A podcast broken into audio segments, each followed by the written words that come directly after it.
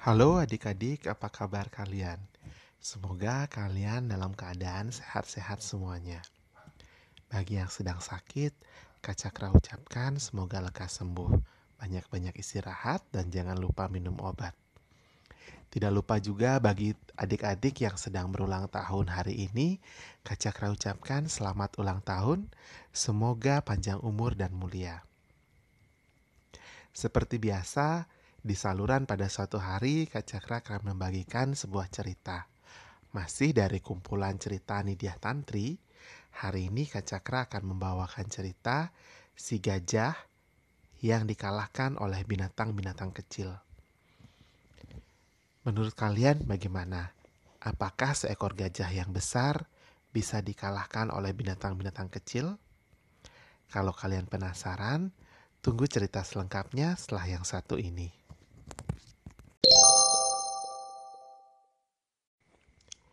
Pada zaman dahulu kala, ada sebuah hutan yang dihuni oleh berbagai jenis binatang. Ada binatang berkaki dua, binatang berkaki empat, berbagai jenis burung-burung dan serangga. Tidak ketinggalan juga ada berbagai jenis hewan amfibi yang hidup di sana. Mereka selalu hidup dengan damai. Hingga pada suatu hari, ada seekor gajah yang masuk ke dalam hutan itu sambil mengamuk. Sang gajah tidak bisa dihentikan. Ia membabat habis semua pohon-pohonan yang ada di hutan dan tidak melihat ke arah mana pun ia berada. Semua yang menghalangi jalannya ditabrak dan dilindasnya sampai hancur. Hewan-hewan kecil pada ketakutan dan berlari meninggalkan hutan. Burung-burung terbang menjauh dari hutan tersebut karena kaget dengan ulah si gajah. Tapi ada dua ekor burung yang nasibnya sangat malang. Mereka adalah dua ekor burung siung. Si burung siung ini baru saja meletakkan telur-telurnya di sarang mereka. Ternyata pohon tempat meletakkan sarang telah dihancurkan oleh si gajah. Setelah si gajah pergi dari hutan, kembalilah burung siung ini ke sisa-sisa pohon di mana mereka meletakkan sarangnya. Dilihatnya lah sarang yang sudah hancur berkeping-keping dengan telur yang pecah berantakan. Burung siung betina menangis tiada henti-hentinya. Ia meratapi nasib dari anak-anaknya yang tidak sempat lahir ke dunia telur-telur itu sudah pecah berantakan. Siung jantan berusaha untuk menghibur istrinya, tetapi siung betina tidak juga reda tangisnya. Hingga siung jantan pun berkata, "Istriku, aku tahu betapa sedih hatimu. Sesedih-sedihnya dirimu, aku pun juga sedih. Tahukah kamu, istriku?" Aku akan membalas perbuatan gajah tersebut. Apa pun yang terjadi, gajah itu tidak boleh datang ke sini mengamuk lagi. Kita akan mengalahkan gajah itu bersama-sama. Demikian kata Siung jantan. Siung betina lalu berkata, Suamiku, apakah kamu sudah kehilangan akal sehatmu? Tidak tahukah kamu, gajah adalah hewan yang sangat besar. Kau lihat saja tadi dia mengamuk. Semua pohon yang ada di hutan ini dilibasnya hingga tumbang. Lalu apakah daya kita? Kita hanya dua ekor burung yang sangat kecil dibandingkan dengan si gajah yang begitu besarnya berkali-kali lipat tubuh kita, kita akan mati ringsek di tangan si gajah. Demikian kata siung betina. Siung jantan pun menimpali kata-katanya. Istriku sayang, sebuah kekuatan yang besar tidak harus dikalahkan oleh kekuatan juga. Kita akan berupaya untuk mengalahkannya dengan daya upaya pikiran kita. Aku akan mengumpulkan teman-teman kita dan bermusyawarah untuk mengalahkan si gajah. Bagaimanapun juga, banyak binatang yang dirugikan oleh si gajah hari ini. Demikian kata si siung jantan.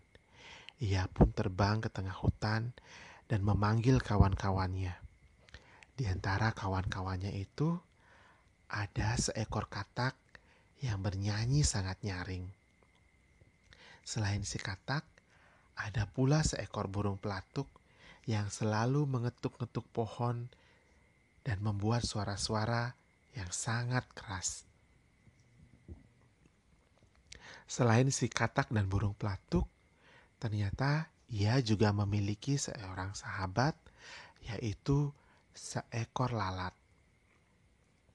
Semua binatang ini ternyata dirugikan oleh si gajah. Si burung pelatuk kehilangan pohon yang selalu diketuk-ketuknya. Si katak, ia kehilangan saudara-saudaranya karena tertimpa pohon-pohon besar yang digulingkan oleh si gajah. Sementara itu si lalat, ia kehilangan rumahnya karena pohon-pohon menimpa rumahnya.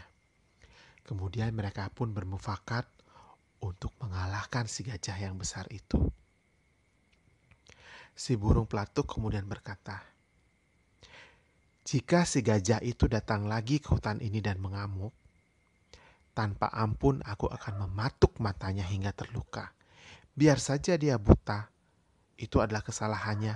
Mengapa datang ke rumah orang lalu mengamuk seenaknya? Aku merasa sangat dirugikan oleh gajah itu. Pokoknya, jika dia datang, aku akan patuk matanya. Tidak ada ampun baginya. Demikian kata si burung pelatuk. Tiba-tiba si lalat pun menimpali.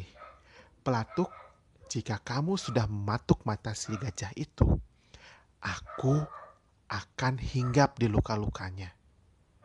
Dan aku akan bertelur di atas luka-lukanya. Biar saja lukanya berbelatung. Biar dia tahu rasa sekalian. Dan jika dia sudah buta, dia tidak akan bisa melihat apa-apa. Kemudian si katak lalu me menyampaikan pendapatnya. Teman-temanku, jika itu yang kalian akan lakukan, aku akan pergi ke pinggir jurang di jurang itu aku akan bernyanyi sekeras-kerasnya hingga didengar oleh si gajah. Jika dia sudah buta, tentunya dia tidak bisa melihat arah mata air, bukan? Jika dia mendengar suaraku, dia akan datang ke arah suaraku dan dia pun akan jatuh ke sana. Aku yakin dia akan menemui ajalnya di sana dan dia tidak akan mengganggu penghuni hutan lagi. Demikianlah kata ketiga binatang itu memberikan dukungan kepada si burung siung jantan untuk melakukan pembalasan dendamnya kepada si gajah. Tidak berserang berapa lama, si gajah pun datang ke hutan itu dan kembali mengamuk tanpa sebab. Kali ini semakin banyak pohon yang digulungnya. Apa pun yang ada di hadapannya akan diterjang dan diterabas olehnya. Hingga suatu saat dia berhenti kelelahan Meluncurlah bulung pelatuk dari atas sebuah pohon besar dan mematuk kedua mata si gajah. Si gajah kaget, berteriak kesakitan karena kedua matanya sudah dilubangi oleh burung pelatuk. Ia berteriak sejadi-jadinya menggemparkan semua isi hutan. Bisa kan kalian bayangkan bagaimana seekor gajah yang begitu besar berteriak-teriak karena kesakitan? Setelah si gajah terluka, Datanglah seekor lalat mendekati lukanya, lalu bertelur di matanya. Si gajah merasa sangat kesakitan karena lukanya ternyata berbelatung. Ia sudah berhenti mengamuk beberapa hari ini karena matanya sakit. Karena dia buta, tidak sehari pun dia mendapatkan makanan. Bisa kalian bayangkan betapa laparnya si gajah. Tapi bukan itu yang paling mengganggu si gajah. Berhari-hari hidup tanpa air membuat si gajah menjadi sangat lemas dan tubuhnya menjadi sangat kurus.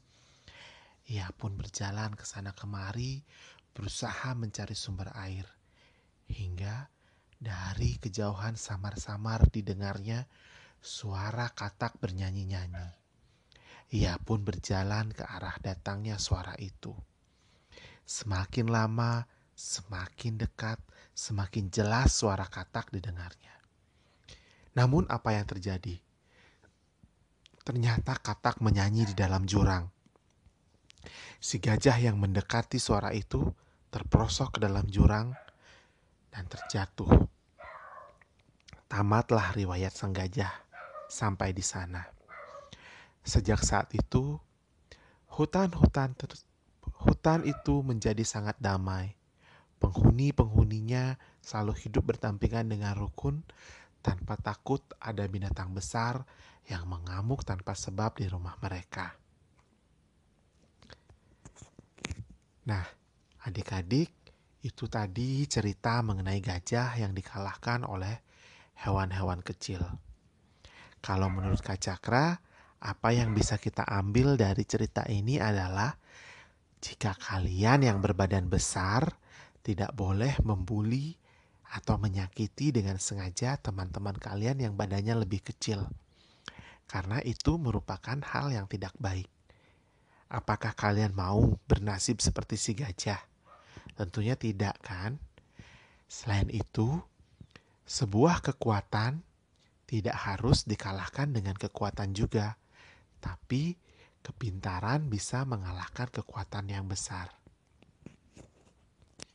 Seperti hewan-hewan yang sangat kecil, tapi mereka menggunakan otaknya untuk mengalahkan si gajah yang besar. Kalian pun harus menggunakan otak kalian untuk memecahkan sebuah masalah yang besar. Adik-adik, demikian cerita hari ini. Semoga kalian senang mendengarnya. Sampai jumpa pada cerita-cerita berikutnya. Dan jika kalian ingin menanyakan sesuatu kepada Kak Cakra, atau mungkin kalian ingin mendengarkan dongeng pilihan kalian yang Kak Cakra bawakan, jangan segan-segan untuk hubungi Kak Cakra. Sampai jumpa pada dongeng-dongeng selanjutnya. Dadah.